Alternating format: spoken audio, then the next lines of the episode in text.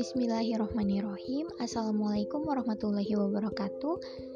Saya Anita Syahinaya dengan NIM 2001379 kelas 1B Prodi Manajemen Research and Leisure akan menjelaskan tentang dinamika pelaksanaan demokrasi di Indonesia Berbicara mengenai demokrasi di Indonesia, tidak dapat dilepaskan dari pelaksanaan demokrasi dari demokrasi dalam kontekstualnya.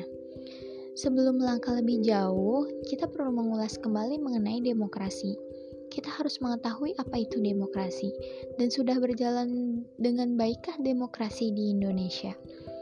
Nah, demokrasi adalah suatu bentuk pemerintahan politik yang kekuasaannya pemerintah berasal dari rakyat, baik secara langsung, demokrasi langsung, atau melalui perwakilan, demokrasi perwakilan.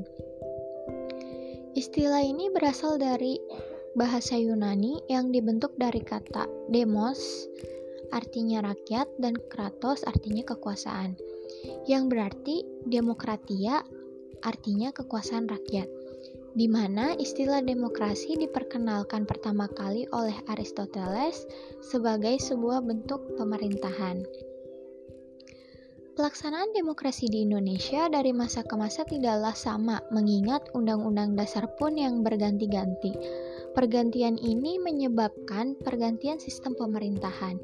Kita juga perlu menengok ke sejarah perkembangan sistem demokrasi di Indonesia periode 1945 sampai 1959. Pada periode pada periode ini berlaku sistem demokrasi Pancasila dengan kabinet presidensial dan pada tahun itu juga pemerintah mengeluarkan maklumat dan mengakibatkan sistem demokrasi diganti dengan demokrasi liberal dengan kabinet parlementer.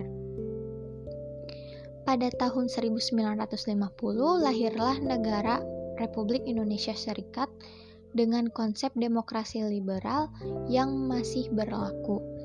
Memasuki periode tahun 1950 sampai 1959, pemerintah Indonesia melaksana, melaksanakan pemerintah dengan sistem yang belum mengalami perubahan yakni demokrasi liberal dengan kabinet parlementer ala Eropa Barat khususnya Belanda.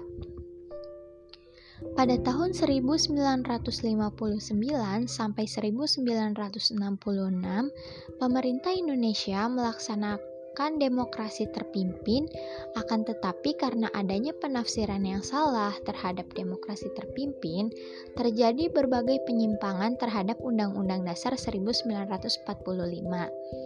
Penyimpangan-penyimpangan tersebut antara lain MPRS dan DPR tunduk kepada presiden. Pengangkatan presiden seumur hidup terjadinya pembelokan politik yang condong ke komunis. Pada periode 1966, lahirlah Orde Baru yang ingin melaksanakan Pancasila dan Undang-Undang Dasar 1945.